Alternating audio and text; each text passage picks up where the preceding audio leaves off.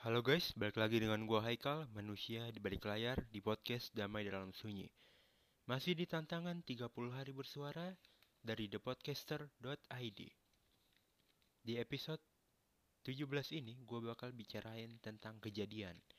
Di mana kejadian ini adalah suatu peristiwa dari suatu kemungkinan dan kemungkinan itu adalah sesuatu yang kita harapkan akan terjadi.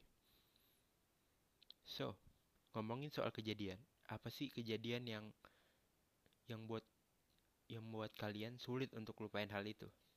Lupain kejadian itu gimana sih?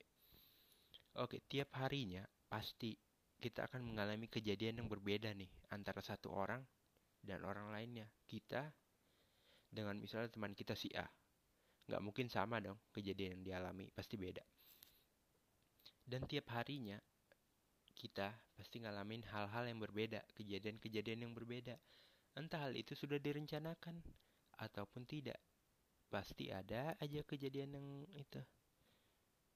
Misalnya kita harap berharap kerja hari ini bagus, baik, tetap pasti akan ada kejadian-kejadian yang buat kita ngerasa this day not perfect karena nggak ada hari yang perfect atau mungkin ada tapi tiap orang beda-beda pandangan akan hal itu. Namun, apa pun yang terjadi, hidup tetap berlanjut nih. Dan kita nggak bisa dong mengubah hal yang udah terjadi, kejadian yang di masa lalu itu kita nggak bisa rubah. Jadi ya udah, gitu aja. Jadi ya jalanin aja gimana pun keadaannya.